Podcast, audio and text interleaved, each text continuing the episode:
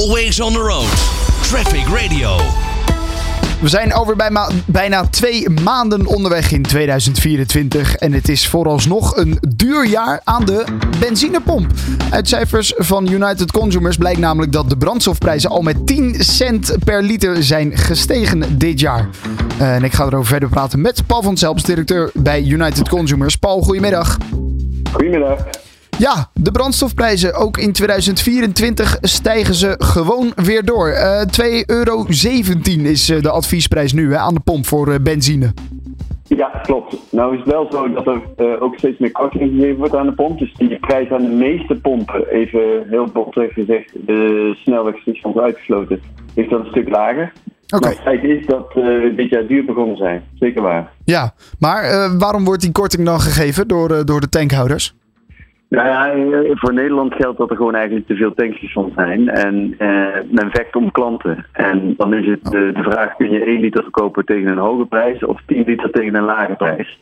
En ja, dat is een beetje de, de, de, de- het economisch dilemma waar pomphouders voor staan. Dus je ziet dat tankstations die heel ze liggen vaak ook op eh, exotische plaatsen. Dus dan moet je voor omrijden, om het zo maar te zeggen. Ja. Ja, dan kun je weliswaar iets goedkoper tanken, maar dat kost iets meer tijd en iets meer omrijden. Dus we hebben Maar te veel aan de benzine. snelweg die zitten vooral op zakelijk verkeer en eh, ja, die zijn bereid dat te betalen. Ja, maar het feit is dus dat we te veel benzinestations hebben eh, in Nederland.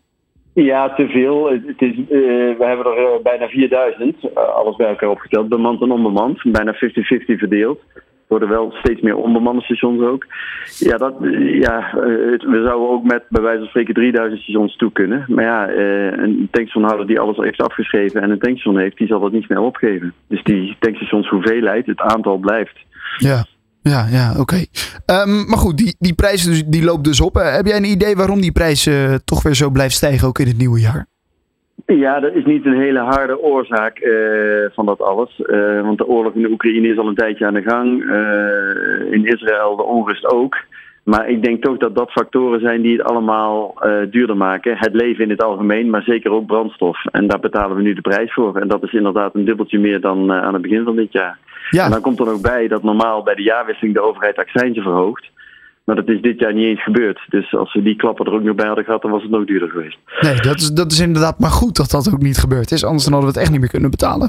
Waar komt nu eigenlijk onze brandstof vandaan? Want we, je zegt inderdaad, die, die oorlog in Oekraïne. Nou, eh, boycotten we natuurlijk eh, Rusland. Eh, is, is er bekend waar nu onze benzine vandaan komt die we in de auto gooien? Ja, uiteindelijk komt de benzine uit de raffinaderij in Rotterdam, even flauw gezegd. Maar voordat het in Rotterdam komt, kan het eh, overal van de wereld vandaan komen. Dat kan uit Saudi- Saudi-Arabië, het Midden-Oosten zijn. Ja, Eh, maar ik denk ook dat nog wel een deel van de eh, ruwe olie uit Rusland komt en via omwegen Hm. ook toch weer in Europa belandt. Eh, we hebben inderdaad een boycott, dus rechtstreeks van eh, Rusland kopen zal niet snel gebeuren.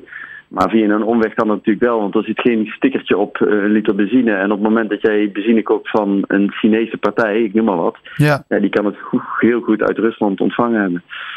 Ja, oké. dus, dus dat is ook. Ja, dat is natuurlijk een boycott, inderdaad. eh, rechtstreeks vanuit Rusland. Maar goed, met omwegen kan het alsnog daar vandaan komen. Maar veel komt dus waarschijnlijk wel uit het Midden-Oosten ook.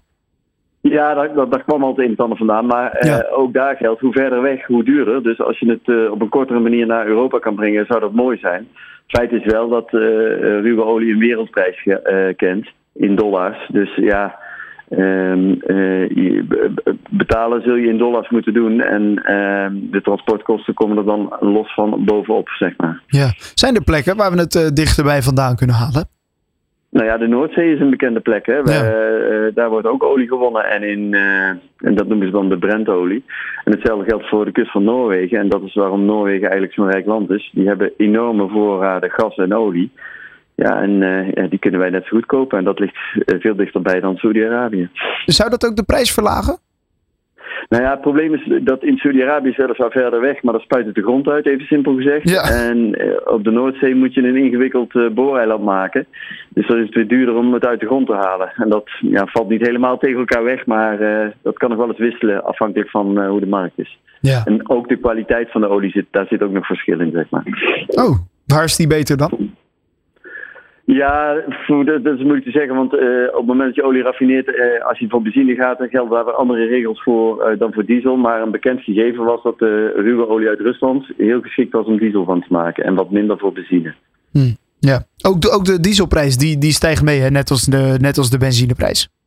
Ja, die koppeling tussen die twee die is een tijdje, zeker tijdens de oorlog in de Oekraïne, een beetje zoek geweest. Er is zelfs een periode geweest dat diesel bijna duurder leek. Ja. Maar inmiddels is dat redelijk weer hersteld en zit er ruwweg gezegd een kleine 20 cent tussen. En dat is eigenlijk in het verleden altijd zo geweest.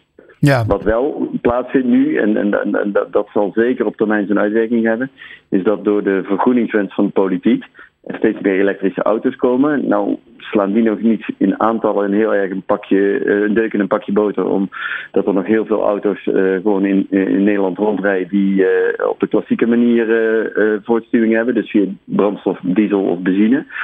Maar wat je wel ziet is dat door de dreigende milieumaatregelen voor steden mensen bijna geen dieselauto's meer kopen. Dus er worden bijna geen dieselauto's meer verkocht. Dus we krijgen straks dat diesel, uh, dat daar veel minder vraag naar komt vanuit de particulier.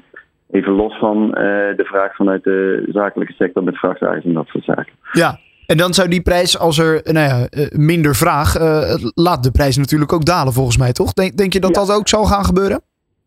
Ja, ik denk wel dat dat gat op termijn groter wordt. Ja. ja. Okay. Niet morgen, maar dat, uh, na een aantal jaren zal je dat gat denk ik groter zien worden. Voor Nederland in ieder geval. Ja, je noemde al eventjes de accijnsverlaging. Uh, of in ieder geval de accijnsverhoging die de overheid niet heeft doorgevoerd. Ik denk dat we het beter zo kunnen noemen. Uh, hoe, hoe staat dat daar nu mee? Is dat iets wat, wat er wel nog weer aan zit te komen? Misschien in de tweede helft van 2024? Of is dat echt, nou ja, even ervan afgehaald? Ja, het is moeilijk in te schatten, maar de overheid kennende, of beter gezegd uh, de begroting van de overheid kennende, kunnen ze het geld missen. Dus zullen ze uiteindelijk toch wel die verhogingen doorvoeren. En dan krijg je weer wat de overheid noemt jaarlijkse indexatie van de accijns en komt er bij de jaarwisseling 1, 2 cent bij. Ja, maar dat zal dan pas weer bij de jaarwisseling van 24 naar 25 gaan gebeuren. Ja, als, als, de overheid dat wil. Maar uh, de, ja, de, overheid kan eigenlijk elk moment beslissen om het te verhogen. Maar vooralsnog, uh, de normale procedure is dat het altijd bij de jaarwisseling plaatsvindt. Ja, ja daar hebben ze inderdaad eventjes uh, van afgezien aan het begin van dit jaar. Dus nou ja, ja. een kleine meevaller zouden we dan kunnen zeggen. Ja, inderdaad. Je zegt het mooi. Daarom, oké, hartstikke. Een, een, een, een, kleine pleister op de grote bond. Ja, ja zo is het inderdaad. Nou goed. Paul van Zelfs van United Consumers, dankjewel hè. Graag gedaan. Prettige dag. 24 uur per dag de meest actuele verkeersinformatie. De beste car classics voor onderweg en de lekkerste is van nu. Traffic Radio.